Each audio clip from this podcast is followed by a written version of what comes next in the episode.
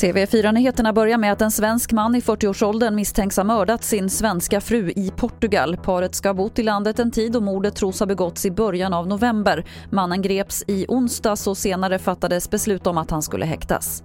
Så till USA där flera myndigheter nu säger att det inte finns några tecken på valfusk och att det här valet var det säkraste i USAs historia.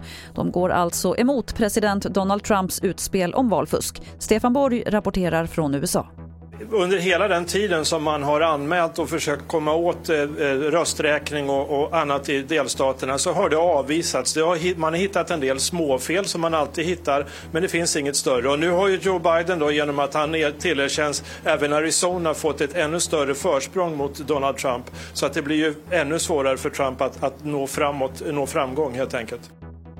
Till sist kan vi berätta att risken att lärare smittas av covid-19 inte är högre än bland andra yrkesgrupper. Det skriver Folkhälsomyndigheten i en ny rapport. Det är fortfarande få barn under 19 år som smittas och det är väldigt ovanligt att de blir svårt sjuka.